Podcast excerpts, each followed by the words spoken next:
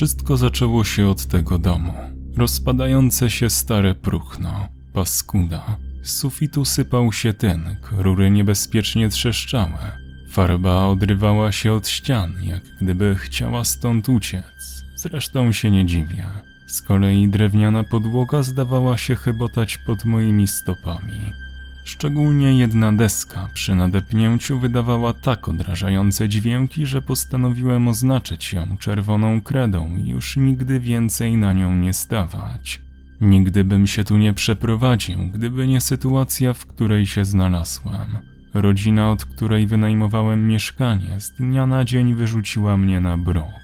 Musiałem więc szybko szukać czegoś nowego, zresztą nie pytajcie. Dom, w którym przyszło mi mieszkać, ulokowany był w chyba najgorszej możliwej okolicy. Środek całkowicie zniszczonego lasu, pełnego obrzydliwych pajęczyn, choć pająków nie zauważyłem. I drzewa, które wyglądały jakby przeżyły jakiś pożar czy coś. Z jakiegoś powodu nie rosły na nich żadne liście, mimo że był środek lata. Ziemia była całkowicie naga, nawet źdźbło trawy nie wydostało się na jej powierzchnię. Nie znalazłem tu żadnego mrowiska, nie usłyszałem żadnego śpiewu ptaków. Cały ten las zdawał się być kompletnie pozbawiony jakiegokolwiek życia. Rozmawiałem na ten temat z właścicielem domu. Dowiedziałem się tylko, że kiedyś jakaś niezbyt popularna wśród mieszkańców miasteczka zielarka powiesiła się na jednym z drzew. Ciała jednak nie znaleziono, na sznurze wisiała jedynie głowa denatki. Zaśmiałem się wówczas, że historia jak z horroru. Nie zraziło mnie to jednak. Nie wierzę w duchy, czarownice, wampiry ani inne stwory rodem z amerykańskich filmów Grossa. Zresztą, nawet jakby istniały, to co mogłyby mi zrobić? Tylko kompletny popapraniec bałby się przezroczystego prześcieradła, które nie potrafi mówić, używać przemocy ani nawet wziąć niczego w ręce. No bo i takich nie ma. Rozpakowawszy swoje rzeczy, pościeliłem łóżko i wskoczyłem w miękką pościel z odtwarzaczem MP3 w dłoni. Wcisnąłem do uszu słuchawki i zamknąłem oczy, oddając się zupełnemu relaksowi. Zacząłem dostrzegać zalety tego ustronnego miejsca. Przez cały czas miałem spokój, nie jak w tym zaludnionym bloku.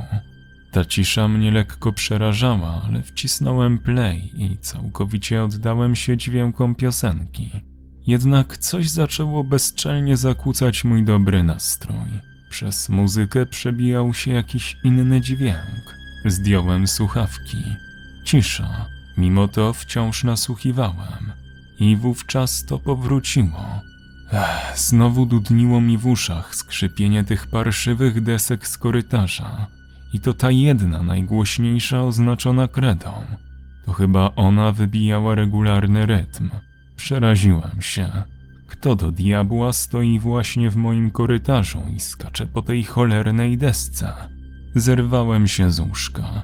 Serce wyrywało się z mojej piersi, choć rozsądek podpowiadał, że to tylko przeciąg, że z pewnością zapomniałem zamknąć okna. Gwałtownie otworzyłem drzwi sypialni. Nic nie widziałem, jednak skrzypienie wciąż brzmiało. Kto tu jest? Spytałem z paniką. Usłyszałem chichot. Zląkłem się nie na żarty, panicznie obmacując ścianę ręką. Gdzie jest ten pieprzony włącznik światła? Kimkolwiek jesteś, spieprzaj stąd. Zagroziłem. Starałem się wstrzymać drżenie głosu. Niech ten jebany złodziej, czy kto go tam wie, nie myśli sobie, że się boję. Znowu chichot. Wysoki, lekko ochrypły. Zimny pot spływał falami po moim karku. Dłonią wciąż błądziłem po ścianach. Jest, znalazłem. Włączyłem światło, a goła żarówka oświetliła korytarz. Spodziewałem się, że ujrzę jakąś psychiczną kobietę, których zresztą pełno w tym beznadziejnym mieście, że będzie chciała się pozbyć nowego czy coś. Ale nic z tych rzeczy. Korytarz był całkowicie pusty. Uznałem, że to wyobraźnia płata mi figle. Zgasiłem światło i wróciłem do łóżka. Rano poczułem, że jestem cholernie głodny. Burczało mi w pustym brzuchu. Żołądek nie był wypełniany przez cały wczorajszy dzień. Wsiadłem w samochód i ruszyłem do miasta. Najspokojniej w świecie szedłem sobie alejką, ludzie wokół i tak z ciekawością na mnie spoglądali. Pewnie już rozeszło się, że znalazł się śmiałek, który miał odwagę zamieszkać w tym opuszczonym domu, w tym opuszczonym lesie. Jeny, ludzie tu żyją jak w średniowieczu. Boją się jakichś wyimaginowanych stworzeń. Pewnie nadal obcinają głowy trupom albo zastawiają groby kamieniami, żeby przypadkiem nigdzie nie uciekli. Już kilka minut później na własnej skórze zasmakowałem beznadziejności owych mieszkańców. Przypatrywałem się straganowi z warzywami i badałem wzrokiem świeżość spoczywających w skrzynce pomidorów, gdy jakaś starucha chwyciła mnie za rękę. Z pogardą wyszarpnąłem dłoń z jej uścisku i spytałem, czego pani chce? Kobieta uniosła swoje pomarszczone, ciężkie powieki i zatrzymała przekrwione oczy na mnie. Cała się trzęsła, a jej usta się poruszały, choć nic nie mówiła. Dobrze ci radzę, młodzieńcze. Zaczęła, a ja uśmiechnąłem się drwiąco. Młodzieńcze, wynieś się jak najszybciej z tego domu. Ilekroć ktoś odważył się tam zamieszkać, nigdy nie wracał żywy. Dlaczego? Prychnąłem. Staruszka wskazała ręką, bym schylił się ku niej. Łaskawie spełniłem rozkaz. To wszystko przez nią, wyszeptała. Zaśmiałem się. Przez kogo? Przez nią? Spytałem, kiwając głową na właścicielkę straganu. Stara machnęła ręką z poirytowaniem. Spełznie ci z buzi ten bezczelny uśmieszek, gdy sam poczujesz na sobie jej moc, powiedziała. Nikt nie wie, gdzie mieszkała. Może w lesie, na łonie natury, może na ulicy, a może w tym samym domku co ty.